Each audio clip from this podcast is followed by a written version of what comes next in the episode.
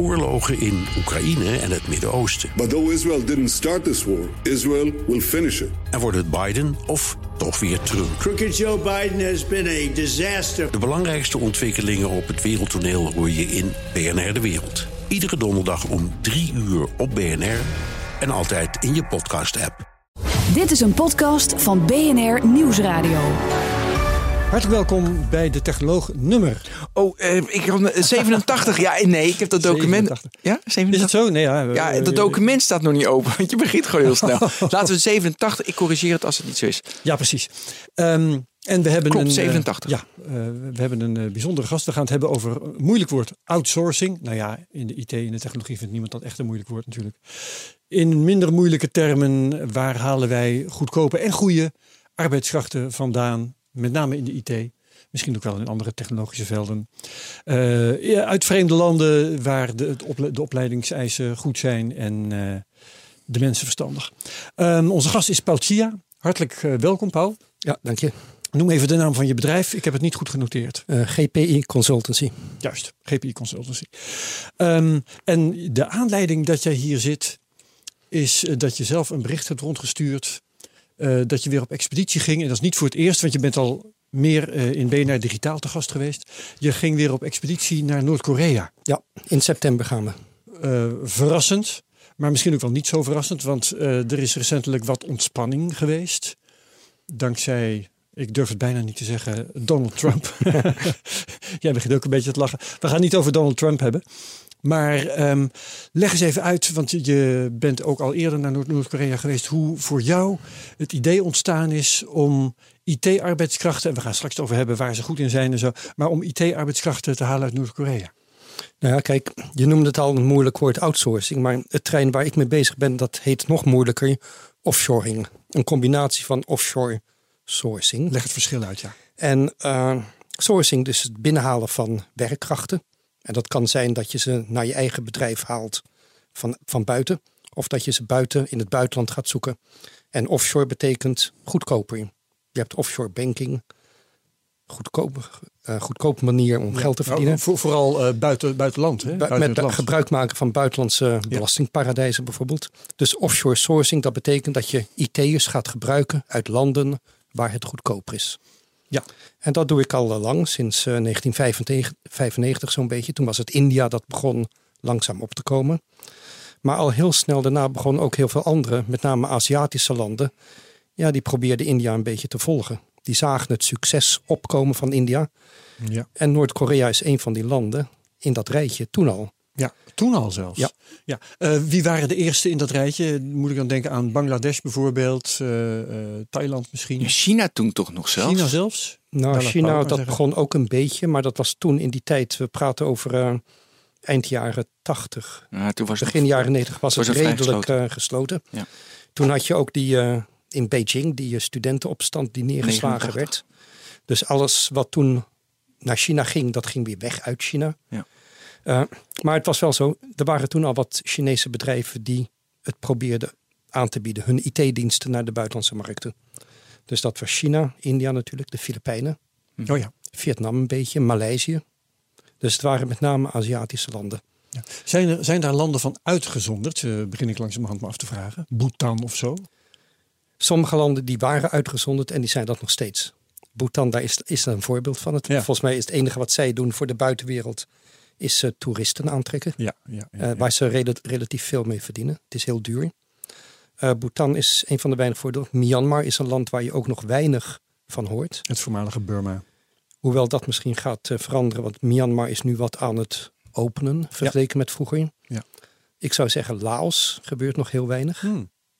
Sommige Aziatische landen zijn al zo succesvol dat ze erg duur geworden zijn. en zal dat ze daardoor eigenlijk de markt van offshoring niet meer kunnen betreden. Ja, ja, ja. Maleisië is daar een voorbeeld van. Oh, ja. Taiwan Eh, misschien ook? Taiwan ook. Ja. Hoewel die zich ook op hardware hebben gericht, niet zozeer op software. Eh, China eigenlijk is weggevallen. eh, in zekere zin Omdat de Chinese markt zo, zo snel groeit. De interne en markt is, is groot, ja. de interne markt is heel groot. Dus de Chinese IT-bedrijven zijn met de interne markt bezig. Ze hebben het buitenland helemaal niet nodig. Niet nodig. En dat is het verschil met India. India had geen grote interne IT-markt. Dus die waren gedwongen om zich op het buitenland te richten. Ja, maar dat is misschien ook veranderd of aan het veranderen. Nee, dat is nog niet aan het veranderen. Oké. Er is wel een eh, economische groei zichtbaar, maar dat land is zo groot. Er zijn zoveel IT'ers beschikbaar. Eh, de binnenlandse markt kan dat niet eh, ja, absorberen, zeg maar. Ja, ja, ja, ja. Maar Noord-Korea blijft fascineren omdat het zo'n wonderlijk land is. Hoe is jouw contact met Noord-Korea? Ben je er gewoon een keer heen gegaan? Eh, Want het is altijd wel mogelijk geweest als je goed genoeg je Mijn deed. eerste contacten die waren al tamelijk snel, op het eind van de jaren negentig. Dus ik was nog maar relatief kort voor mezelf begonnen op het gebied van outsourcing. En toen al kwam ik in contact met Noord-Koreaanse IT-bedrijven. Maar ik vond het interessant en exotisch. Maar Ik vind het, op het had niet zoveel te bieden, want ze hadden geen internet. Ja, in tegenstelling tot andere landen. En dat is toch wel een probleem als je software voor het buitenland wilt laten maken. Ja. Dus eh, pas tien jaar later, rond 2006, ben ik voor het eerst eh, naar Noord-Korea gereisd. En toen begon eh, mijn interesse wel sterker te worden, want ik kwam tot de ontdekking dat er wel hele interessante IT-bedrijven waren. Noem eens wat. Eh, noem eens wat, bijvoorbeeld een paar jaar later, na mijn eh, bezoek, begon tussen Noord- en Zuid-Korea de ontspanning te ontstaan. Dat was de eerste keer. Eh, de Sunshine Policy werd dat genoemd. En Samsung bijvoorbeeld begon toen voor, het, voor haar telecomsoftware, de embedded software, een Noord-Koreaans IT-bedrijf in te schakelen. Ja, ja, ja. Dus dat is toch wel een voorbeeld van dat er blijkbaar hoogwaardige kennis is, die door een hoogwaardig Zuid-Koreaans bedrijf gebruikt kan worden. Ja, dat is opmerkelijk, hè? want, eh, want eh, het hele imago van Noord-Korea is dat van een, een redelijk achter, achterlijk Ja. land. Ik eh, was eigenlijk al verbaasd dat er zoiets bestaat als een bedrijf? IT-bedrijven in Noord-Korea. Je denkt van, nou ja, de staat zal alles wel doen en, en het zal wel allemaal boeren, boeren Mhm. gedoe zijn. Maar dat is dus verkeerd gedacht. Nou, dat is het beeld wat wij hebben als buitenwereld. Hè? Dat het Ja. een heel raar, ook arm land is. Het is natuurlijk ook wel arm trouwens, maar er zit Ja. heel veel ehm, kennis. De overheid investeert veel in opleidingen. Dus de universiteiten zijn tamelijk goed. En dus ook de IT-bedrijven die er zijn. Maar dit beeld van Noord-Korea, dat hadden wij in Nederland ook van India, twintig jaar geleden. Ja. Toen ik twintig jaar geleden India begon te promoten in Nederland, werd ik ook vaak uitgelachen. Dat is toch een arm land en ze, ze, ze rijden daar met olifanten. En eh, dat was het beeld wat wij Ja. in de IT-sector in Nederland over India hadden, twintig jaar geleden. En dat is behoorlijk veranderd. Ja. En ik hoop dat dat ook met landen zoals Noord-Korea bijvoorbeeld eh, gaat veranderen. Ja. Maar toch, hè, eh, ik ben heel benieuwd, wat zijn er dan voor verschillen tussen, eh, tussen ons en, en Noord-Korea die je merkt als je Noord-Korea als outsourcingland gebruikt? Ik bedoel, ik kan me voorstellen dat er leemtes zijn in de achtergrond, in de kennis van de buitenwereld van, van Noord-Koreanen. Of dat de IT-kennis op een be- bepaalde manier beperkt is. Eh, ik meen te weten dat ze daar maar heel moeizaam, eh, ook al is het er wel, heel moeizaam van internet gebruik mogen maken. En dat wat ze mogen zien heel beperkt is. Dus wat van dit soort dingen vind je terug in hun, ehm, in hun nut als arbeidskrachten? Hetzelfde uitdaging is dit als wij met India hadden twintig jaar geleden. Mhm. Bijvoorbeeld het UWV, dat wilde in India software bouwen voor werkloosheidsuitkeringen. Ja. Maar in India heb je geen werkloosheidsuitkeringen. Dus dat hele idee van wat ze dan moesten bouwen, dat was helemaal vreemd voor hun. Dat soort dingen bedoel ik. Ja, en ja, ja. dat geldt in Noord-Korea nou natuurlijk in veel hogere mate. Dus alles wat voor ons ge- gebruikelijk is, normaal is, dat is daar niet het geval. Dus die vertaling van wat je wilt naar hoe kunnen ze dat begrijpen, terwijl het in een hele verschillende omgeving is. Een creditcard, dat kennen ze niet, ja om maar iets te noemen. Ja, ja, ja, ja. Uh, dus dat is die vertaalslag die heel lastig kan zijn. En, en lukt het dan om dat uit te leggen? Of moet je zeggen, bepaalde opdrachten, eh, waar bijvoorbeeld creditcards of werkloosheidsuitkeringen in voorkomen, moet je maar gewoon niet daaruit besteden? Dat zou kunnen. Maar dat geldt voor al die outsourcingsprojecten die je wilt doen. Je moet altijd kijken of de partner met wie je wilt werken, of die wel in staat is om te begrijpen wat jij wilt. Maar als Ja. het om bijvoorbeeld hele technologische onderwerpen gaat, ik noem telecomsoftware, dat is zo technisch ingewikkeld, zeg maar, zo technologisch. Samsung was in staat om dat onderwerp heel goed over te brengen naar hun Noord-Koreaanse partner. Omdat het alleen maar om technologie ging. Maar je kan wat Noord-Korea betreft, denk ik, beter met wat relatief simpele taken beginnen. Om dat daar te laten doen. Noem eens wat. Het maken van een simpele website. En niet meteen voor bol.com eh, zoiets gaan eh, E-commerce. doen. Ja, ja, ja, ja. Ze hebben wel e-commerce, dat hebben ze wel. Maar dat lijkt me toch een onderwerp waar je beter iets nog mee kunt wachten. Ja. Eh, En het zijn verder landen genoeg waar het wel zou kunnen, neem ik aan. Ja. Maar goed, en dan maken ze het design, ze maken de hele UX.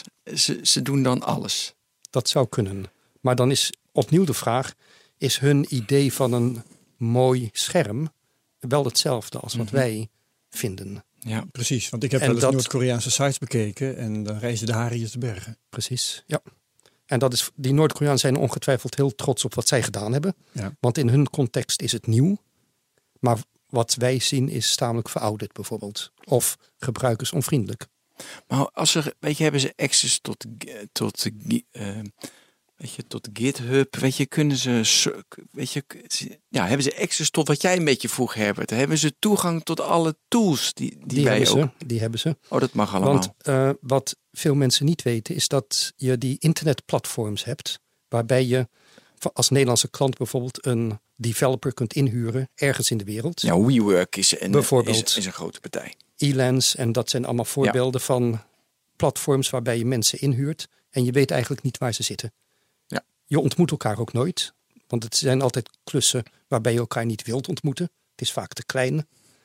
En daar zitten ook heel veel Noord-Koreanen op.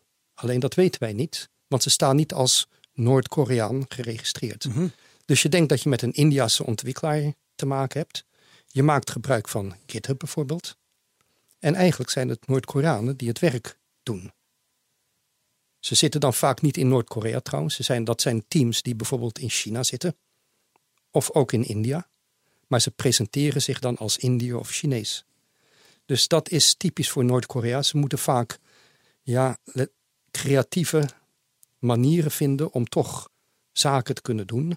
Omdat de klant niet zo gauw naar Noord-Korea zelf zal gaan. En is er een beetje schouw in Noord-Korea? Dus zijn er voldoende... Kijk, ik geloof India, ja, veel. Maar is dat ook in Noord-Korea zo? Dat idee, dat idee heb ik niet. Ik denk dat je toch wel over duizenden IT'ers praat die elk jaar de arbeidsmarkt in Noord-Korea opkomen. Die erbij komen. Die erbij komen. Behalve die pool die er dan al is. Hè? Ja. Dus nee, dat is niet zozeer het probleem. Het probleem is meer dat Noord-Korea in tegenstelling tot India nog niet ontdekt is. Ja. En hebben ze toegang tot voldoende geavanceerde eh, computerapparatuur? Of moet je die als opdrachtgever dan zelf invliegen? Mm, meestal moet je dat hun laten doen. Want er zijn sancties hè, eh, rond Noord-Korea. Oh ja. Eh, dat is wel een punt. Dus niet alle hardware die je zou willen, zou misschien geëxporteerd mogen worden. Dus dat zijn de dingen die zij moeten doen. En die zij ook wel kunnen doen. Omdat de handel tussen China en Noord-Korea heel ja, behoorlijk fors is. Oké, dus in principe kunnen zij komen aan alle eh, hardware die jij als opdrachtgever nodig hebt. Dat kan. Eh, ik kan me voorstellen, sommige telecom soft- software en telecom hardware is misschien, ja, er zitten misschien sancties aan. Maar voor Samsung was dat, was dat geen probleem om toch te kunnen oppakken. Dus er zijn altijd wel Ja. manieren te vinden. Maar in de praktijk zullen Nederlandse bedrijven het met simpelere klussen doen. En een van de sterke kanten die Noord-Korea heeft is animatie. Het maken van zo? tekenfilms. Oh, En daar zijn zij al wereldberoemd in. Het probleem is dat, Nederland, verrassend. dat Nederland niet zo'n grote animatiesector kent. Nee. En dat, Dus, is, ja, eh, ja, ja, dat is een beetje raar, want wij, wij hebben wel een stripcultuur. Hè? Er zijn heel veel Nederlandse strips. Maar dat wordt niet vertaald in tekenfilms. Ja. Dus eh, wat dat betreft heeft Nederland door zijn eigen cultuur eh, beperkte mogelijkheden om daar gebruik van te maken. Het is niet zozeer een beperking van eh, het outsourcingland, maar van het, hoe moet je dat zeggen, het land van de opdrachtgevers. Dat is wel, eh, dat is wel jammer, ja. Hey Paul, heb je ook voorbeelden dat het volledig in een miscommunicatie volledig misging? Dat je dacht van ja, weet je, je bedoelt A en ze maakte B en dat was echt, dat ging helemaal nergens over. Helaas zijn dat soort voorbeelden Legio, legio zijn in de wereld leuk, van ja. eh, offshoring. Nee, die zijn, die zijn legio. Er zijn echt bedrijven, maar Als je ze wil vinden, hoef je niet naar Noord-Korea te gaan. Dan ga je gewoon naar India toe. Want dat is natuurlijk de grootste Ja. markt. Hè? En ik gebruik wel eens in presentaties eh, het voorbeeld eh, de naam India. Dan vraag ik aan mensen, kennen jullie de afkorting India? Wat dat betekent? I-N-D-I-A. En dat wordt dan gebruikt voor I never do it again. Oh ja, ja, ja. Ja. Ja? dus ja, offshoring is niet makkelijk. Het is uitermate complex. Ja. En je moet er zelfs twee keer over nadenken als je het zou willen doen. ja, we hebben twee keer geprobeerd, Herbert. Met hebben wij triple. geprobeerd? Oh, Nou, ja, dus met triple. ja, twee keer. Wat een drama, zeg. Ja, dat ligt aan ons, hè. Beter, weet je, communiceren, snap ik. Maar, maar geef jij dan eens een voorbeeld? Ja, dat Dat wil ik was. wel graag horen. Ja, dat. Ja, Daarna geef ik het trouwens een voorbeeld. Ja, en het was, nou ja, inderdaad, het was volgens mij, dat was, eh, we hebben, ja, gewoon, het was een Android-applicatie die, dan probeerden we dan, iets van 30 dollar of zo, dat sloeg natuurlijk helemaal nergens op. Maar wat er dan hele, wat je, je be- bedoelt inderdaad, ehm, linksboven is dan ineens niet linksboven en rechts, dus je hebt, eh, of, of dan vinden ze het slecht en hebben je eh, alle designs, weet je, geef je, dan denken ze, ja, die designs, die slaan. Misschien de verkeerde partner. Ik kan, ja, die designs slaan echt helemaal nergens op. Dat Even, moet even zo. tussendoor. 30 dollar noemde je net. Ik neem aan 30 dollar per uur. Ja. Oké. En dat was welk land? Ja, dat was India. Mhm. Nou, eh, maar we gaan straks over geld en een beetje extra wat het kost. Maar goed, weet je, dus heb je een design gestuurd. En dan denk je, nou, dan maak je dat design. eh, daar maak je een Android-applicatie Maar van. ze gingen op eigen gezag. Ja, ja, maar dat slaat nergens op. Dus ja, nou, dat deden wij gewoon verschrikkelijk fout. Nu wel even over die hele case. Dus dan is het, eh, is het goedkoper, maar je moet zo vaak terug en heen. En uiteindelijk komt dat niet uit. Dat was één, nou, dat is ons niet gelukt. En tweede is, heel veel klanten in Nederland, hangt er vanaf hoe je je positioneert. Die- wij mogen niet eens offshore en nearshore. Dat willen ze niet. Ze willen de developers dichtbij hebben. Dus dat is ook interessant. Maar, dat hangt natuurlijk van, Ja. hangt van wat je maakt. Dan heb je een hele bunch, weet je, de, duizend man die standaard werk doet. Dan snap ik het dat je het offshore of nearshore. Maar dat hangt, dus dat zijn de twee elementen die ik zelf heb meegemaakt. Ja, ja, ja, nou daar heeft Paul straks ongetwijfeld meer over. Ja? eh. Maar eh, het voorbeeld dat ik heb, dat heeft niks met IT te maken, ook niks met Azië. Ehm, maar ik heb een keer een film gezien en die ging over Aboriginals. En hoe het verhaal ging, maakt allemaal niet uit. Maar op een gegeven moment eh, gaven de Aboriginals te kennen ehm, dat ze een, eh, ze wilden, wilden een vliegtuig eh, kunnen laten landen. En dan zeiden de, de Australiërs, ja, maar dan moet je een, een landingsbaan hebben. En dat ziet er zo uit, foto's laten zien en zo. En eh, de Australiër die trekt zich even terug in zijn tent. En even later, klop, klop.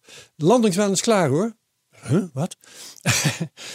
en hij gaat naar buiten. En dan hebben die eh, Aboriginals hebben een eh, stuk grond, een rechthoek ter grootte van ongeveer een achtertuintje. Hebben ze afgebakend met kiezelsteentjes. Goed hè. landingsbaan is klaar. Die hadden dus wat in hun ogen de essentie was van zo'n landingsbaan. Ja, wat ze gezien hadden. Foto. Die hadden ze gevat in ja, wat ze dan gemaakt hadden. En dachten dat het daarmee klaar was. Schitterende ma- manier om verschillende manieren Ja. van denken duidelijk te maken. Ja. Goed, dat was mijn vraag. Nou Paul. Paul, ehm, Noord-Korea. Ik heb daar nog wel een paar vragen over. Want ehm, ik kan me voorstellen dat je op een gegeven moment ook met morele of ethische vragen komt te worstelen. eh, als je op deze manier met Noord-Korea zaken doet. Ehm, dan help je, zou ik toch zeggen, een regime waar, eh, waar je bedenkingen over kunt hebben. Heb je last van dat soort overwegingen of niet? Ik zelf niet, want anders had ik niet voor Noord-Korea gekozen als Ja. een van de landen waar ik mee werk. Eh, maar ik merk wel dat potentiële klanten daar soms vragen over stellen. Dat, Ja. is, eh, dat is een Maar ik feit. vind, dan, dan stel ik de vraag, waarom heb je dat soort overwegingen niet? Ehm, ik, denk, Dat is geen verwijtende vraag, maar ik ben benieuwd. ehm, ik denk als ik eh, naar Noord-Korea kijk, als ik zou willen dat de situatie verbetert, en daar gaan we vanuit dat iedereen dat eh, wilt. Ehm, het is een van de landen met de slechtste eh, mensenrechten situatie. Zeker, ja. Eh, dus daar is ook geen discussie eh, over nodig met mij. Maar ik denk, eh, het land kan alleen maar verbeteren als het in staat is om economisch te groeien. Eh, en ik refereer altijd aan het model van China. China was in de jaren 70, toen was net de culturele revolutie aan de gang, een beetje te vergelijken met Noord-Korea eh, Mhm, wat ja. dat betreft. Zeker. Eh, maar omdat China economisch kon groeien vanwege de internationale handel, vanwege de export, begon er ook een soort middenklasse te ontstaan. En begon het economisch te verbeteren in het land. Stapje voor stapje. En uh, de grote problemen die China vroeger had, zoals armoede, hongersnoden, dat is er niet meer. Mm Dus honderden miljoenen Chinezen zijn daardoor toch in een betere situatie gekomen. Uh, er is internet uitermate actief gebruikt in China. De Chinezen kunnen reizen, ze kunnen in het buitenland studeren. Dus als we het China van nu vergelijken met vroeger, zijn er he hemelsbrede verschillen en verbeteringen zichtbaar. Niet dat het een uh, ideale staat is, nog steeds niet. Nee. Maar ik denk, als Noord-Korea ook die richting op wilt gaan, is de enige uh, uitweg of het regime verandert, maar een regime verandert nooit van zichzelf. Of ze worden ook in staat gesteld om economisch zich te verbeteren door handel, zodat er ook een middenklasse gaat ontstaan, zodat er meer bedrijvigheid komt, uh, zodat ze meer geld verdienen om eten te kopen. Dus ik vergelijk Noord-Korea gewoon met het China van vroeger en de verbeteringen die ik in China zag. Ja, maar als de, nou ja, die, eh, dus dit is geen politiek programma. Maar als natuurlijk Kim, de zittende leiders, als die generaties lang doorgaan, dan, dan, dan hou je het lastig. Want hoe een land geregeerd wordt, bepaalt uiteindelijk of, het, of die economische groei mogelijk is. Mm Maar als de. Het is wel zo dat de laatste jaren, ook in Noord-Korea zelf, ook bij de overheid, dus een soort van ja, wat meer liberalere economische wind waait dan vroeger het geval was. Ja, Dat betekent dat Noord-Koreanen nu veel makkelijker een eigen bedrijf kunnen beginnen dan vroeger. Mhm. Vroeger moest iedereen, of werd iedereen bepaald bij welk staatsbedrijf ze zouden moeten gaan werken. Nu kunnen ze zelf zeggen van nou, we willen een bedrijf starten in een richting die wij zelf willen. Ah, ja. En als het om IT gaat, Noord-Korea heeft, de bevolking heeft geen internettoegang een van de weinige landen ter wereld waar dat nog steeds niet kan. Klopt, ja. Behalve in de IT. Dus als je als buitenwereld meer IT-werk die kant uitstuurt, kunnen meer Noord-Koreanen van de internet bijvoorbeeld gebruik maken. Of ze kunnen gaan reizen vanwege hun projecten. Dus voor de individuele IT'er met wie ik uh, te maken krijg, kan het wel een daadwerkelijke verbetering ook op korte termijn van zijn positie zijn. Ja, kun je zo een, uh, echt zo'n IT uit, uh, uh, dus uit Noord-Korea beschrijven. Ik kan hem, uit Nederland kan ik hem beschrijven. Weet je, jonge gast, uh, hipster, die is. Ja. Maar de, de, hoe, hoe zit dat in Noord-Korea? Wat voor type mensen zijn het? Wat voor opleiding hebben ze gedaan? Hoe ziet dat eruit? Het opleidingsniveau is tamelijk hoog, wat ik al eerder zei. Ja, dat zei je. Ja. maar het zijn niet hipsters te noemen. Het zijn eerder nerds. dikke brillen soms. ja. heel erg in de techniek bezig. Ja betrekkelijk nog steeds afgezonderd van de buitenwereld, introvert. Ja, maar dat zijn Aziaten vergeleken met Nederlanders vaker. Zo wel vaker, ja, zou ik willen zeggen. Uh, maar het is wel een apart soort mensen natuurlijk. Maar ik kan heel goed met. Maar werken ze hard? Werken ze 16 uur per dag om die code te kraken? Wat, hoe, uh, en hoe ziet dat? Wat voor kamertjes? Wat voor. In, uh, in Nederland, in ieder modern, ieder modern kantoor. Dat is een speeltuin met een glijbaan. Anders blijven ze niet. Uh, hoe ziet dat daar eruit? Ik zal een voorbeeld geven. Ik ben dus, uh, wat ik zei, je hebt dus die Chinese, die Noord-Koreaanse teams die in China bijvoorbeeld zitten. Ja? En die doen daar, daar hun werk. Ja. Dus ik ben in, uh, bijvoorbeeld in een kantoor van hun geweest. Dat is niet echt een kantoor, het is gewoon een appartement wat ze gehuurd hebben. Een groot appartement om in te wonen en in te werken. En dan een paar kamers zijn volgestapeld met stapelbedden. Daar slapen de IT'ers, dus met elkaar op stapelbedden. Mooi. En ze werken dus in feite 16 uur per dag. Tuurlijk. Indien nodig. Zes dagen per week. Ja. Zeven dagen indien nodig. En dan krijgen ze hoeveel per uur? Nu wel even naar het geld? Dan krijgen zij misschien 100 dollar per maand. Wat een uitbuiterij dit zeg. Wat een uitbuiterij. En dat is de situatie nu. Maar wil je dat veranderen? Zo was het in, in India trouwens ook vroeger. Hoor. Ja, ja. die Indiërs werden ook uh, massaal naar het buitenland gestuurd. Ik ken uh, Indiërs, dat zijn nu grote jongens geworden. Maar die sliepen dus in auto's in de Verenigde Staten. Ja, en het is niet zo heel veel anders dan, dan wat de uh, Oost-Europeanen hier in Nederland doen als uh, voor bouwzaken hier worden ja. te werk gesteld. Maar ik heb wel een vraag als het om Noord-Korea gaat. Ik heb een keer een documentaire gezien van Vice. Die was gefilmd in Siberië bij een of ander houtkapproject. En daar ontdekte Vice dus dat, eh, dat daar Noord-Koreanen waren te werk gesteld. Dat bleek gewoon een veredelde vorm van dwangarbeid te zijn. Ehm, hoe weet jij dat bij die IT-projecten eh, die je daar uitbesteedt, dat, eh, dat het niet gewoon in een strafkamp uh, terechtkomt of dat mensen daar inderdaad gedwongen aan werken? Omdat je als IT'er, je spreekt Engels met elkaar. Mhm. En dat is het verschil met die. Ik heb ook die documentaires over Russische.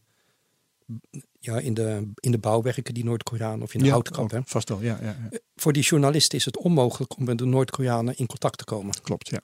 En als IT'er, ik zit in een wat luxueuzere positie. Ze, ze kennen mij langer, ze vertrouwen mij. Ik ben geen journalist, maar een IT'er. Ik ben bijvoorbeeld uitgenodigd om bij hun te logeren. In China, Ja. in dat appartement. Ja, zeiden ze, dan hoef je niet je hotel in, eh, in China te dat deed betalen. jij natuurlijk onmiddellijk. Ik had geen zin om met die Koreanen in nog een stapelbed te gaan. Maar Ja. het geeft wel aan, als ik had gewild, kan je best op een andere manier met hun contacten krijgen. Ja. En die Noord-Koreanen die ik in China tegenkwam, kom ik nu bijvoorbeeld in Pyongyang tegen. Juist. Dus je hebt langdurige contacten. En dan kan je ook op een andere manier communiceren met elkaar. En het zijn jongens die voor Noord-Koreaanse begrippen relatief veel vrijheid hebben. Ze Ja. hebben dus internettoegang. Ze kunnen reizen. En als zij een project zouden vinden in Nederland bijvoorbeeld, zijn zij in staat om naar Nederland te reizen. Gebeurt dat ook? Dat gebeurt niet, want Nederland is nog niet zo ver met eh, Noord-Korea. Maar in theorie zou dat kunnen. Dus dit geeft wel aan dat de IT-sector redelijk voor Noord-Koreaanse begrippen liberaal is. En dat de IT'ers ook relatief voor Noord-Koreaanse begrippen economische vrijheden hebben. Ja. ja. Zullen we het dus over wat andere landen gaan hebben? Ja, Of, ik- of wou jij al Ja, over en- algemene outsourcing? Nee, nee, of nee, Heb je ik nog wil- meer over Noord-Korea te vragen? nou ja, ik, heb hem, ik zit nog steeds met die 100, die 100 dollar, 100 dollar. per maand, zei je Ja, toch? ga, je, ga je van wakker liggen? Toch? Dat zei je toch per maand? Ja, maar wacht even. Eh, dat kan, dat kan. Het levensstandaard Noord-Koreaanse- is maar ze werken dus zeven dagen, 16 uur per dag, hè? Ja, maar wacht even. Oh. Je kan, het is een beetje appels en peren vergeleken. Want de Noord-Koreanen, als ze dan weer terug zijn, hebben ze wat geld bij elkaar gespaard. En met dat geld daar kunnen ze dingen doen die ze anders niet hadden kunnen doen. Ja. En bijvoorbeeld woonruimte in Noord-Korea is gratis. Je betaalt geen huur. De staat, bet- de staat geeft nog steeds eh, huizen aan de mensen. Ja, maar nee, waarom ik het denk. Je, haalt, je hebt duizenden van die jongens in Noord-Korea. Je haalt er 200, haal je de weg en je geeft ze 200 dollar per maand. En je laat ze zo hard werken, nog steeds asociaal, maar goed. En, ja, en ze, en, ze, en ze zijn echt goed. Nou ja, dan dat, dat lijkt me. Dan kunnen ze ook heel kan- veel fouten kan maken. heel marktverstoor. Ik zal je nog een verhaal vertellen. Ja, dit ik, is- ik was eens een keer in de Rimboe in eh, Brits-Guyana. En er zat een stel Nederlandse onderzoekers. Ik was journalist, ik deed daar een, eh, een eh, verslag van. Ehm, maar die hadden daar dus in, in een dorpje hadden ze zich gevestigd. Om daar vandaan dan het bos in te trekken en onderzoek te doen. En ze hadden een huishoudster nodig. En ze dachten, laten we die nou eens gewoon fatsoenlijk betalen. Niet Ja, het laagste bedrag dat, eh, niet. de- Ja. waar je mee wegkomt, maar zoals het dubbele. Ja. Oké, dus die kregen het dubbele. En het allereerste wat ze vervolgens meemaakten, dat was dat degene die zij het dubbele hadden uitgekeerd, die had zelf iemand ingehuurd Ja. om dat werk te gaan doen. eh, voor één keer dat bedrag. En streek dus zelf eh, eh, het andere, de, de andere helft van het bedrag op Ja. door niks te doen. Maar daardoor heb je wel de economie daar gestimuleerd. Ja, Ja, dat kun je niet dat Maar je maar je hebt ook ongelijkheid Ja. gecreëerd op Ja, maar vergeet niet, manier. wij, zitten, wij praten wel vanuit een hele verwende positie. Hè? Ja. Oh, dat vergeet jij, ik echt jij hebt het nooit. over het IT-bedrijf met een glijbaan en eh, gevulde ijskasten Hmm. en spelcomputers. Eh, Herbert had het net over Zuid-Amerika. Ik las kort geleden over Venezuela, waar een enorme economische Ja. crisis is. Ja. Iemand is wel gelukkig geweest, die is ons in staat om op afstand IT-gerelateerd werk te doen voor het buitenland. Wat doet hij? Hij zit de hele dag achter een spelcomputer games te spelen. Oh ja. En daar is hij zo ervaren in dat hij allemaal dingen... Hij verzamelt zwaarden Ja. en eh, munten en van Ja, hij speelt wat. voor iemand anders. Hij en hij verkoopt, hij verkoopt dat dan aan anderen. Ja. Hij doet dat ook iets van 16 uur per dag, 7 dagen per week. Volgens mij was hij misschien, volgens mij was hij IT'er van oorsprong zelfs. En hij verdient daarmee 50 dollar per maand. Ja. Ja, dus dit is de wereld ook. Ja. En dan kan je zeggen, wat is dat belachelijk? Maar mijn uitdaging is, oké, het is een belachelijke situatie. Het is een hele ongelijke situatie. Maar wat kan ik doen in het welvarende Nederland als een IT'er op verre afstand? En als ik dan denk, als ik die in dit geval Noord-Koreanen, 100 dollar of 200 dollar of, of meer, want je hebt ook hogere bedragen trouwens, dan is dat iets wat ik kan doen. Mhm. En daar ben ik niet ontevreden over als mij dat lukt. Ja. Dus zo kijk ik ernaar. Als jij eh, hoort van, eh, nou je noemt zelf Venezuela, hè, van zo'n land waar het eh, verdomd slecht gaat. denk je dan meteen ook, daar liggen kansen? Ehm, ik zelf niet. eh, maar ik weet dat anderen, maar dan praten we over Spaanstalige bedrijven, die hebben wel nu in Venezuela vestigingen opgezet. Om juist van die, ja, kansen is natuurlijk in dit geval een beetje pijnlijk woord. Dat is zo, ja. Maar die kunnen dus Maar voor hele wel, lage tarieven eh IT'ers inhuren in Venezuela. Ja. Maar uiteindelijk, wa- wat je, het verhaal dat jij net zelf ook vertelde, uiteindelijk help je daar de samenleving daar wel mee. Ja, ja, Omdat je gewoon ja. daar geld heen pompt. Anders, moet, anders worden ze gedwongen om hele rare dingen te doen of te emigreren naar andere landen. Ja. Maar dat zie je op andere schaal natuurlijk ook. Kijk, wij hebben een economische recessie achter de rug. Eh, landen als Spanje hebben daar behoorlijk onder te, onder te lijden gehad. De salarissen zijn daar relatief laag. Ja. En er zijn nu een paar Nederlandse bedrijven die dus hun softwareontwikkeling en hun testwerk in Spanje doen. Alleen maar omdat de salarissen daar laag liggen, relatief laag liggen. Ja, simpel. Ja. En dan hoeven ze niet naar India of naar Oost-Europa of waar dan ook. Ja. Overigens, ehm, ik weet niet of daar een, al, al een woord voor is, maar wat ik ook hoorde is dat eh, tegenwoordig eh, Nederlanders naar Portugal worden verscheept om daar voor eh, extreem lage lonen call, callcenterwerk te doen. Alleen maar omdat in Portugal de levensstandaard laag is. Dus dan kun je ze nog minder betalen en dan kunnen ze toch nog steeds eten kopen. Dat kan. Portugal is wat dat betreft eh, een optie. Ik heb laatst gehoord over Barcelona. Eh, Barcelona is niet hier. goedkoop, maar het is een leuke stad. En veel Nederlandse hippe jongeren willen graag een tijdje in Barcelona wonen. swingend? Ja. swingend. En, maar ja, je moet wel geld verdienen. Dus er zijn nu Nederlandstalige callcenters die in, of bedrijven die dan in Barcelona een vestiging hebben opgezet. En daar huren ze dan best wel hoogopgeleide Nederlanders voor je. Die dan betaald krijgen. Niet heel veel, maar wel genoeg om in Barcelona leuk te kunnen Party leven. te hebben. Ja. Ja, maar wat is dan, dat begrijp ik dan even niet, wat maakt het dan voor het bedrijf aantrekkelijk om dit te doen? Omdat Barcelona lagere salarissen heeft dan Oh, bijvoorbeeld in. Nederland. Ja, precies. Ja, ja, ja. Daar hebben we het nog niet over gehad, maar die hele callcenter-industrie is natuurlijk wel erg op kosten gericht. Want het- Zeker. een helpdesk-medewerker is niet heel erg hoog opgeleid. Hij moet wel communicatief goed zijn. Maar wat je ziet is dat dan Nederlandse bedrijven bijvoorbeeld in Suriname, in Paramaribo, hun vestiging openen om vanuit Suriname dan helpdesks of contactcenterdiensten te gaan opzetten. Dus als ik in Rotterdam de Eneco moet bellen, dan heb ik kans dat in Suriname het telefoontje wordt opgenomen. Ja. ja. En dat hoor je wel, want je hoort wel een soort van Surinaams accent. Maar tegenwoordig doen Nederlandse bedrijven dat ook in Turkije. En in verschillende Turkse steden zitten nu Nederlandstalige callcenters. En wat is daar precies de reden van? Dat er eh, Turken zijn die Nederlands spreken bijvoorbeeld? Ja, zijn, dat Ja. zijn die Turken die dan hier, eh, die Turkse jongeren, die zijn hier geboren en getogen. Dus ze spreken, als het goed is, accentloos Nederlands. Maar ze vinden het toch wel prettig om het land van hun ouders beter te leren kennen. En dan gaan ze een tijdje daar zitten. Of sommigen gaan trouwen of eh, die willen weg uit Nederland.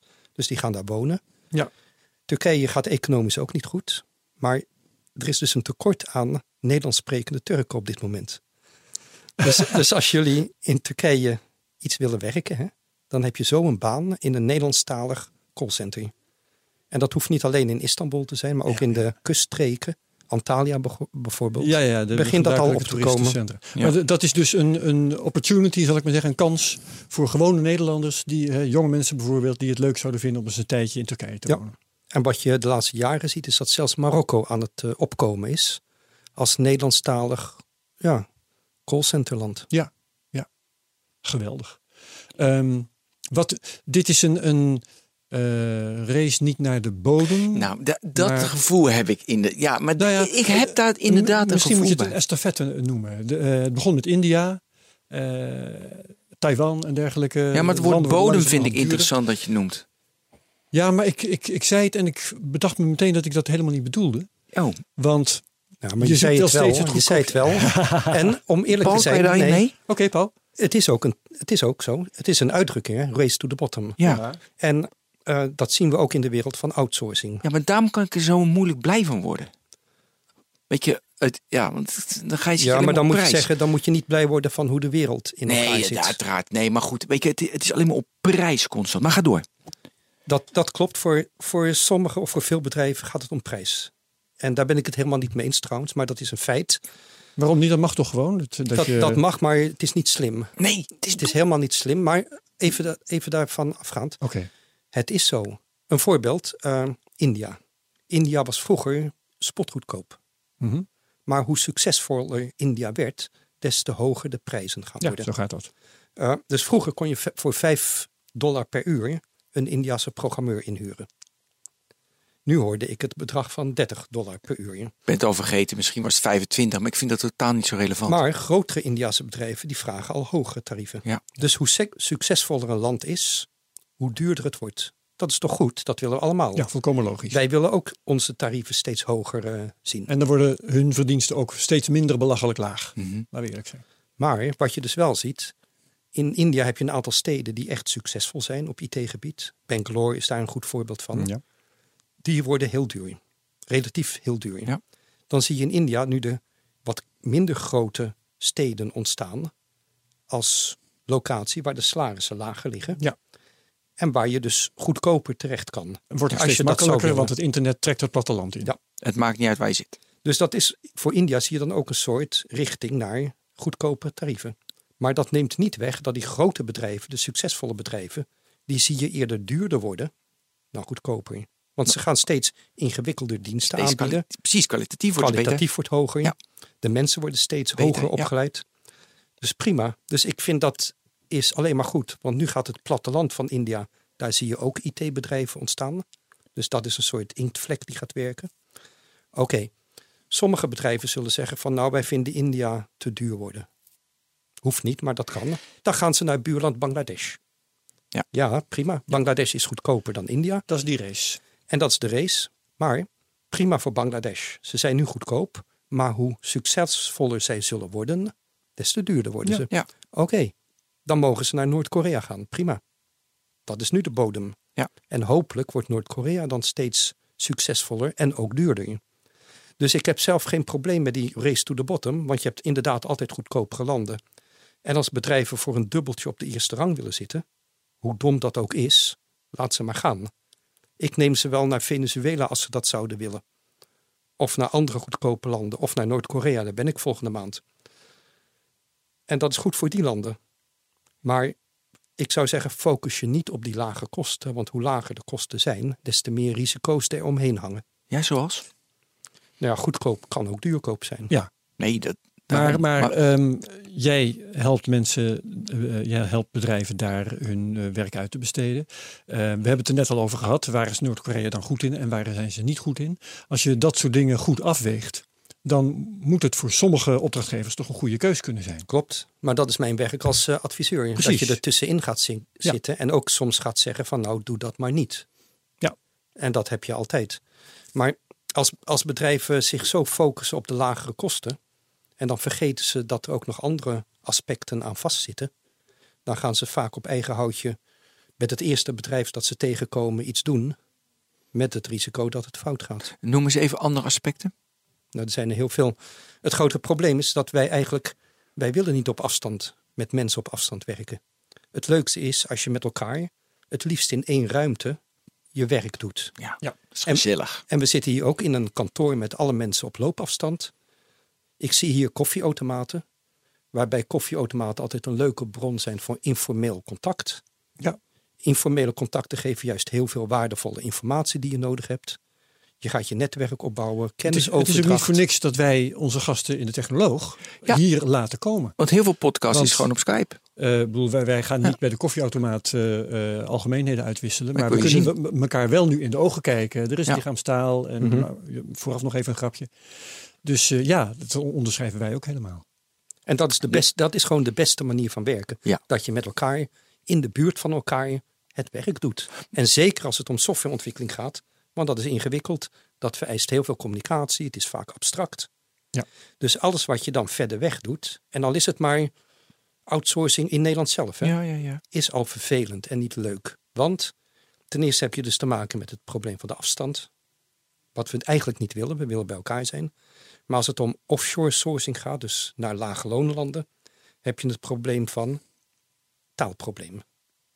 Dat is het eerste.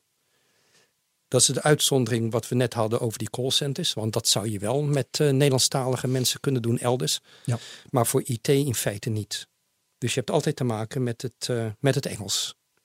En een IT'er spreekt overal wel redelijk Engels. Maar een Indiase IT'er die wil ook nog wel eens een heel heftig, sterk accent hebben.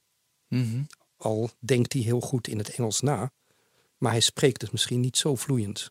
Ja, of ze gebruiken onder, onderling bepaalde woorden in een net iets andere betekenis. Ik kan me van alles voorstellen. Kan. En Chinese IT'ers bijvoorbeeld, ja, die kunnen wel goed in het Engels lezen, maar hun mondelinge vaardigheden die zijn helemaal niet zo goed. Dus Engels is altijd een probleem. En veel Nederlandse bedrijven hun documentaties in het Nederlands. Dus dat moet dan ook nog, nog vertaald, gaan worden. Ja, ja, ja. En wij Nederlanders, wij spreken relatief goed Engels trouwens, vergeleken met onze buurlanden. Maar dat willen wij eigenlijk niet altijd. Ja. We willen ook liever in het Nederlands praten, in het Nederlands schrijven. Dus het taalprobleem, dat is dan het eerste wat je tegenkomt. En dat is niet onoverkomelijk, maar het is wel een, een nadeel. Het tweede probleem is tijdsverschil. Derde al zitten we al. We zitten op het derde probleem. Ja, de afstand eh, bedoel je. Ja. Goed. Bij elkaar willen zijn, Ja. taal. En nu? Nu hebben we dan Tijd. het tijdsprobleem. Tijdsverschil. En dat is geen probleem als je met eh, Oost-Europa werkt bijvoorbeeld, of met Spanje Nee. of Portugal. Dat is maar één, twee of drie uur. Turkije, dat is eh, ook nog goed te doen. Maar alles wat verder weg is, dat wordt dan wat eh, problematischer. En dat geldt vooral als het om grote afstanden gaat. Ja. Mhm. Eh, tenminste, van west naar oost. Dus een Nederlands bedrijf die een callcenter in Suriname heeft, dat kan. Maar je hebt dan wel met een fors tijdsverschil te maken. En dat betekent dat als die Surinamers Nederlandse klanten willen bedienen, dat zij op tamelijk ongelu- ongelukkige tijdstippen moeten werken. Ja. Oké, dat kan. Maar als jij een ingewikkeld softwareproject met India doet, dat kan. Maar het tijdsverschil met India is bijvoorbeeld vijf uur. Ja, dat betekent dat van jouw werkdag, die de acht uur is, dat je een deel daarvan niet kunt communiceren met elkaar. Oké, dat, is een- dat is een uitdaging. En daar kan je wel oplossingen voor verzinnen. Je kan bijvoorbeeld sommige teams die dan wel met Indiërs te maken hebben, iets, iets eerder laten beginnen bijvoorbeeld. Of de Indiërs die moeten dan wat eerder beginnen. Dus daar zijn wel manieren voor te vinden. En ook met al die online communicatie of tools die we hebben, is het een stuk makkelijker natuurlijk. Maar het is een, eh, het is een nadeel. En hoe verder weg het is, hoe nadeliger het Ja, wordt. ja, Eh, een ander punt is cultuurverschil. zeker. En dat is misschien, De belangrijkste, denk ik. dat hebben we nu nog niet gehad. Dat is misschien wel het allerbelangrijkste. Deelname van vrouwen misschien, ik noem maar een dwarsstraat. Of is dat geen punt? Nou ja, in Nederland zijn ook nauwelijks vrouwen. Nee, dat is ook waar. IT-sector. maar wat Eh, wou, je, wat wou, je, wou jij Nee, ik, ik word nu even op een Het dwaalspoor gezet. dwaalspoor gezet. Nee, maar misschien dacht Herbert, is, dus de product owner is een vrouw en je moet dan communiceren met iemand uit, Bijvoorbeeld. bijvoorbeeld. Ja. Dat, dat kan een probleem zijn. Hm. Ja. In sommige landen wordt een, Nederlandse, wordt een vrouw minder geaccepteerd als een man. Precies. Dus dat betekent dat haar leidende rol, die ze wilt uitoefenen, niet geaccepteerd wordt elders. Ja. Dat zou kunnen. Nee, maar ik werd op een dwaalspoor gezet, want ik doe aan wat je noemt, ik koppel bedrijven aan elkaar. Hè? Eh, Ja. Het Nederlandse bedrijf en een buitenlandse, Ja. dat wordt ook wel matchmaking genoemd. Ja. Maar sommige van mijn klanten die zijn dus actief geworden in het buitenland, bijvoorbeeld in de Filipijnen. En de Nederlandse projectleider is daar in contact gekomen met een lokale vrouw. Waar een romantische Ah, wat relatie lief uit zeg. voortkwam. Kan ook nog. Het is ja. de eerste keer in 87 technologen dat we de liefde bespreken. Vaker doen, ja. Nou, en dat is niet één keer gebeurd. Hè. Dat is al meerdere Ja. keren gebeurd. Ja. Ja goed, ik werd dus even Oh ja, dat weet. Maar ik ben heel benieuwd wat je daar verder Maar, over te zeggen ehm, heeft. hebt, eh, ja. Het punt is wat jij zegt over dat een, een vrouw bijvoorbeeld niet zo makkelijk door een, ik noem maar wat, een Indiaas mannelijk team geaccepteerd wordt. Dat Ja. zou kunnen. Ja, het zou kunnen. Dat Ik- zou kunnen, maar in de praktijk eh, is dat meegevallen. Ik ken voorbeelden van vrouwelijke projectmedewerkers die naar India ook zijn gegaan. En daar geen enkel probleem hebben gehad. Tuurlijk. Eh, hoe we, ik, ik heb het idee, maar dat is misschien niet zo dat je als je gewoon waterval werkt, weet je, dit moet je maken, voer uit en dan komt het terug. Nou prima. Oh.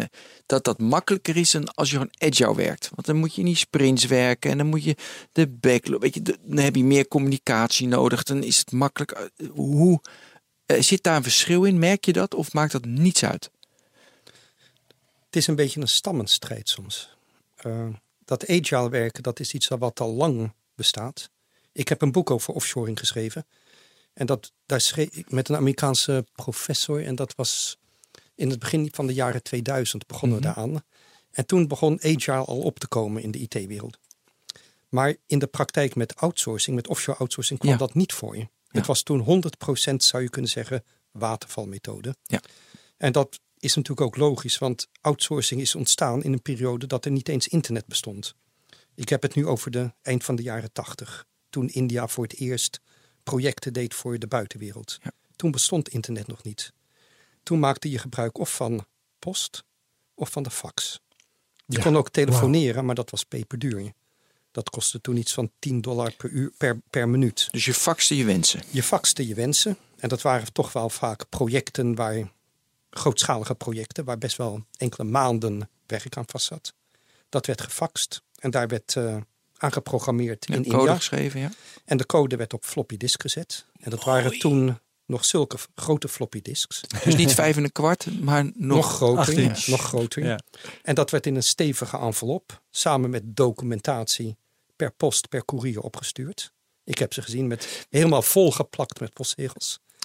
En dan werd dat na maanden, na maanden kwam de klanten dan achter wat het ja. was. Hè? En heb je een succesvol project die zo is ontstaan? Daar ben ik heel benieuwd naar. In de jaren Ja, 80 die waren er wel degelijk. Toch wel? wel degelijk. Want India is niet voor niks zo succesvol geworden. Ja.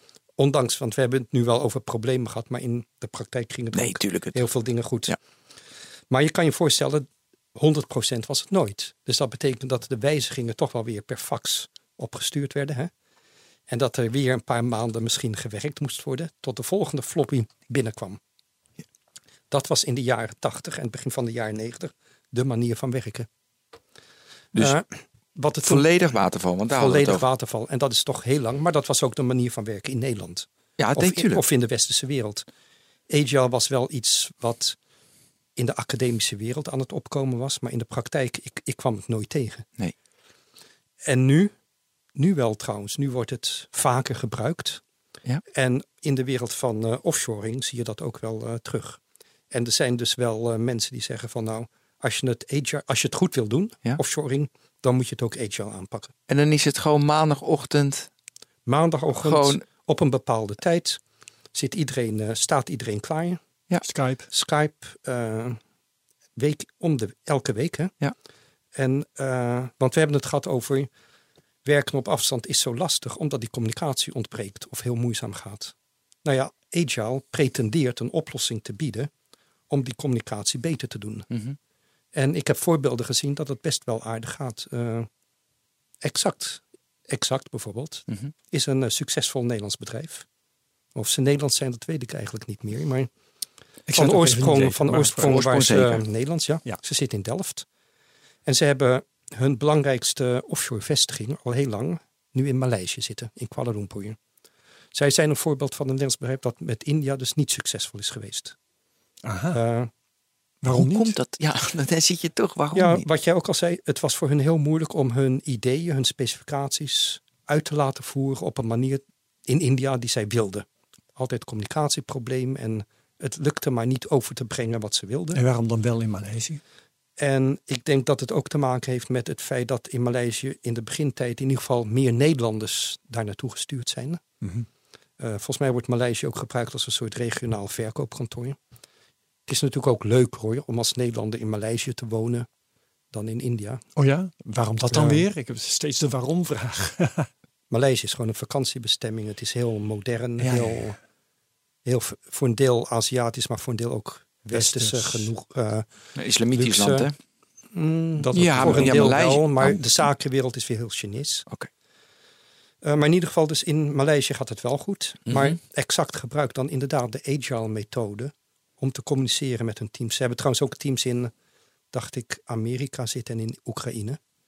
Dus het is een internationaal bedrijf die het dan heel goed doet. Nu moet ik wel zeggen, het is niet per se nodig om succesvol te zijn en aan offshoring te doen. Nee. Eh, ander voorbeeld, AFAS. Ook een succesvol Nederlands Behoorlijk. softwarebedrijf. Hè? Voor zover ik weet doen die het nog steeds niet. En zijn zij altijd expliciet tegen offshoring geweest. Dus dat kan ook. Ja. Ja. En ik zelf heb het idee, we hebben het een paar keer over prijs gehad. Het kostenvoordeel vind ik de meest oninteressante reden eigenlijk om aan offshoring te beginnen. Op de eerste plaats omdat het kostenvoordeel nooit zo groot is als je misschien zou willen. altijd overhead. Kunnen we nu even getallen, vertalen. zeg maar, een gemiddelde een beetje developer hier, nou het hangt er vanaf, maar zeg maar 90 euro. Wordt puur. Dan zijn de meeste offshore landen beduidend goedkoper. Ja, uiteraard. Maar er komen allemaal kosten bij. Een voorbeeld Bangladesh, 25 euro per uur. Maar wat is het voordeel? Oost-Europa misschien 30 euro per uur. Wat is het 40 doorslag, euro per uur. doorslaggevende voordeel van offshoring als het niet het geld is? Geld speelt altijd een rol. Want als Ja? het duurder is, dan doe je dat per definitie waarschijnlijk niet zo gauw, niet zo graag. Maar kijk, die uurtarieven die zijn altijd beduidend lager. Hè? Ja, tuurlijk. Altijd.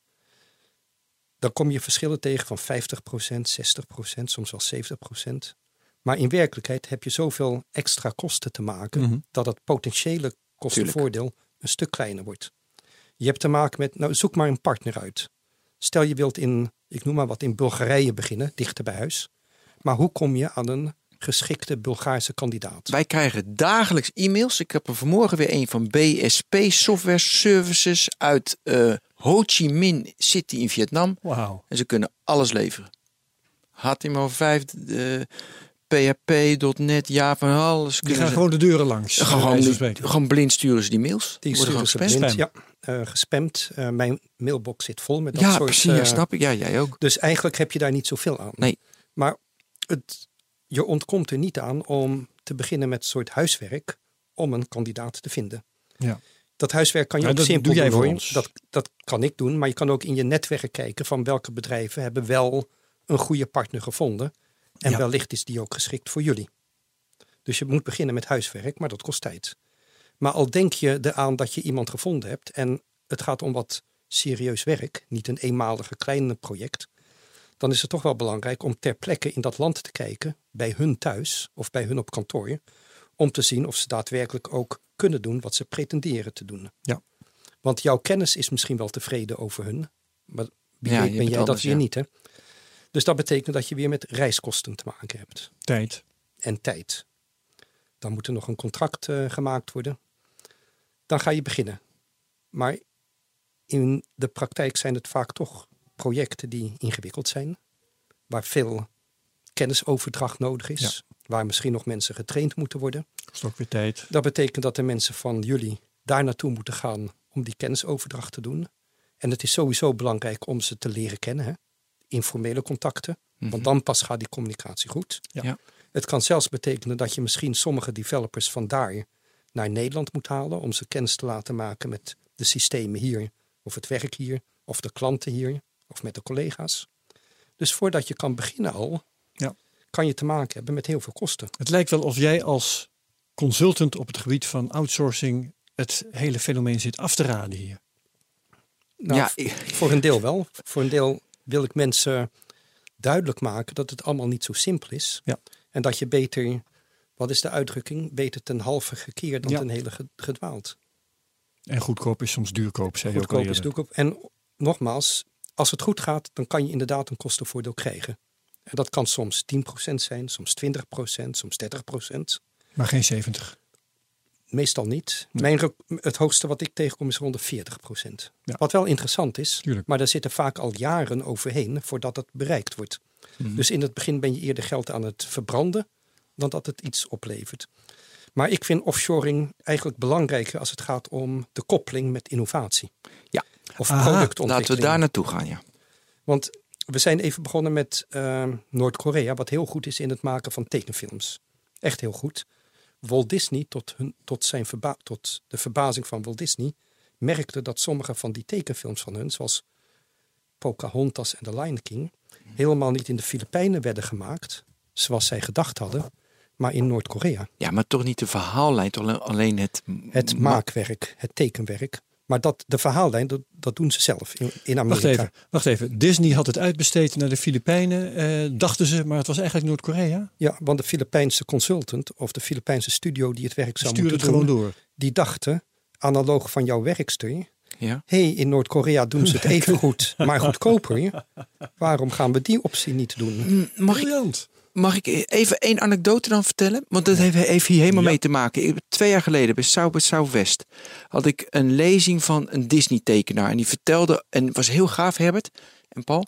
eh, dat ging Snapchat, vergeleken ze met, eh, eh, met voor mij Pocahontas. Wat, wat voor trucs je gebruikt dat mensen lang in Snapchat blijven en dat mensen naar Pocahontas kijken. En dat was bijvoorbeeld bij Snapchat als je eh, zeg maar refresht, dat er dan een, een dingetje ontstaat. En mensen van, oh leuk, er ontstaat een dingetje. Of bij Snapchat had je een goal, had je vroeger rechts. Waarom een goal? Ja, leuk. En hij vergeleek dat met een Disney-tekenaar met Pocahontas. En dan legde hij uit met Pocahontas, als hij dan zwemt en je wil snelheid geven, dan komen er allemaal belletjes. Dus hij tekende ter plek op het podium die belletjes en dan hadden wij inderdaad het gevoel, hé, hey, dat werkt met Snapchat. Mooi. Ik kan me niet voorstellen dat Noord-Korea de creativiteit of het inzicht of de briljante westerse geest. Nee, nee, nee ik zit niet te overdrijven. Maar, nee, maar dat zij ook die belletjes tekent. Het is toch gewoon de tekeningen krijgen ze allemaal en Westerse beeldconventies. Ja. Daar heb je het over. Paul. Paul, heel Nee, nieuwsgierig nee. ben ik nu. In dit geval heeft Noord-Korea al zoveel ervaring met het werken voor buitenlandse klanten. Dat ze dat zouden kunnen doen, denk ik. En de meest populaire cartoon in Zuid-Korea, Ja? die wordt nog steeds gebouwd in en ontwikkeld in Noord-Korea. Dus ik denk dat ze dat wel kunnen, maar daar gaat het nu even niet om. Nee, het ging over innovatie. Het gaat over innovatie. En wat ik in het begin zei, Nederland heeft wel een stripcultuur. Maar de enige Nederlandse tekenfilm die ik ken, dat is Heer Bommel, van misschien al 30 Toondag, jaar geleden. ja. Waarom zijn er nou geen Nederlandse animatiestudio's? Die, allemaal, die, die zijn er wel, re- redelijk klein. Waarom gaan zij nou niet eens in, in hemelsnaam Noord-Korea inschakelen? Dat is niet duur. En voor betrekkelijk weinig geld kun je daar dus proberen om leuke cartoons of animaties te maken. Ja. Tekenfilms, En misschien wel nieuwe stijlen tegenkomen. wellicht. Nieuwe ideeën op te En zet dat maar in de markt. Maar als ik nu naar de televisie kijk, naar al die tekenfilmkanalen, het is allemaal Amerikaans wat ik Ja, zie. het lijkt allemaal op elkaar. Allemaal lijkt het op elkaar en er zit niks Nederlands tussen.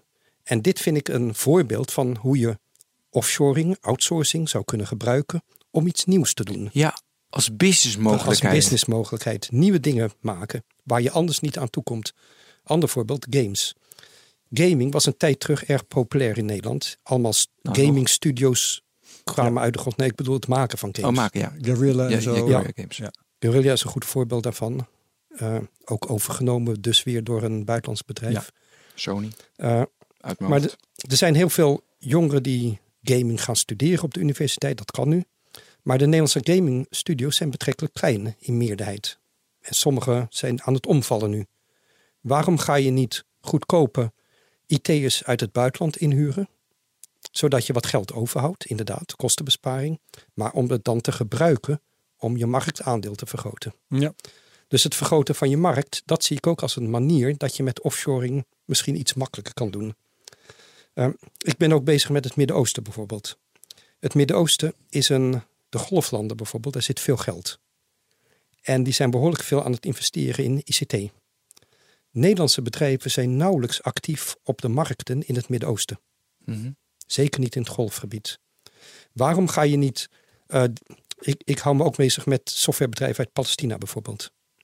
Waarom ga je die Palestijnen niet inschakelen om jouw Nederlandse software te lokaliseren in het Arabisch? En je kunt die Palestijnen gebruiken om vanwege hun netwerken om klanten te vinden in de Arabische wereld, waaronder in het golfgebied. Ja. Dat is een optie. Ja, nee. Maar daar wordt nog heel weinig eh, gebruik van gemaakt. Nog sterker, Nederlandse softwarebedrijven die exporteren nauwelijks. Nederland is een exportland. Maar ik wil zeggen, de Nederlandse bloementeler is meer internationaal actief dan de Nederlandse softwareproducent. goeie. Ja, ja, ja, ja. Het zijn eh, prachtige adviezen op het gebied van outsourcing. We moeten naar een af- afsluiting toe. Eh jij noemt al ehm, na Noord-Korea bijvoorbeeld eh, het Midden-Oosten, Palestina. Is een hele, hele interessante eh, wending aan, aan dit verhaal zo tegen het eind. Maar ehm, In het voorgesprek dat we voor deze podcast hadden, kwam ook nog Afrika ter sprake. Als een soort laatste halte op, in, in die estafette waar we het over gehad hebben. De race naar de bodem, zo gezegd. Welke landen in Afrika hebben op dit, op dit moment toekomst? Eigenlijk in al die jaren dat ik met eh, offshoring bezig ben, is Afrika nooit aan bod gekomen. Behalve Zuid-Afrika tijdelijk, maar dat is ook weggevallen. De laatste jaren komen een aantal Engels sprekende Afrikaanse landen wel op. En dat zijn Kenia, Rwanda en Oeganda. En voor een deel omdat daar hele hippe, jongere IT'ers zitten, die ook cultureel nogal met het Westen zich verbonden voelen. Sommigen zijn, eh, hebben gestudeerd in Engeland bijvoorbeeld, of in Amerika. Die gaan dan terug naar eigen land. Er is een soort start-up cultuur. En je ziet ook dat grote bedrijven als Google nu aan het investeren zijn om in die landen eh, ontwikkelteams eh, te hebben. ook ja. met het idee dat dat potentiële markten eh, voor hun zijn. Ja. En in Nederland zijn een aantal bedrijven actief, maar dan niet zozeer vanuit een zakelijke oogpunt, maar wat ze noemen maatschappelijk verantwoord ondernemen. Dus het idee is dan om daar te investeren, zodat er meer aan opleidingen gedaan kan worden en werkgelegenheid. Want werkgelegenheid is een dramatisch probleem in die landen. Heel veel goed opgeleide mensen hebben geen werk. Dus dat geldt ook voor IT'ers. Dus als je daar als Nederlands bedrijf iets kunt doen, en dan kan het ook zijn om outsourcingsprojecten neer te leggen, dan is dat natuurlijk wel heel waardevol voor de, voor de jongeren daar. Ja. Voor, de, voor de werklozen speciaal. En er zijn ook nu ook al een paar Nederlandse bedrijven die daar hun eigen vestiging hebben opgericht. Om vanuit Kenia onder andere en Oeganda diensten aan te bieden aan de Nederlandse markt. En ik denk dat die insteek van MVO, maatschappelijk verantwoord ondernemen, de komende jaren wel wat zichtbaarder gaat worden. Hoewel dat in Nederland nog redelijk onzichtbaar was hoor. Maar in Engeland en Amerika is dat wel al eh, belangrijk. Eh, Google bijvoorbeeld of HP en Cisco, die kom ik dan in Palestina weer tegen vanuit maatschappelijk verantwoord ondernemen. Wat is het maatschappelijk verantwoorde element dan? Eh, werkgelegenheid. Ah zo, ja ja. En op de tweede plaats denken ze dat als een land eh, economisch verbetert, dat er ook minder conflicten eh, omheen gaan ontstaan. Ja, ja, ja, ja. Ons uur is vol. Dankjewel, Paul. Dankjewel voor eh, deze prachtige verhalen. Eh, Volgens mij heb je een ontzettend leuke werkkring. Want je komt in allerlei landen en je houdt allerlei ontwikkelingen bij vanuit een heel ont- ontzettend leuk perspectief. Dus dankjewel. Eh ik kan me voorstellen dat we na een tijdje weer eh, ons oor bij te luisteren leggen voor eh, de laatste Ja, ontwikkelingen. graag gedaan. Ben Ja. jij nog wat te vragen? Ja, maar dan ga ik weer heel diep. Dus dat gaan we niet doen. Eh, doen dat doen we Dat doen we de volgende volgende keer. Herbert, bedankt. Ja, dit was de Technoloog. Tot de volgende keer. nummer 87. Tot de volgende keer. Dag.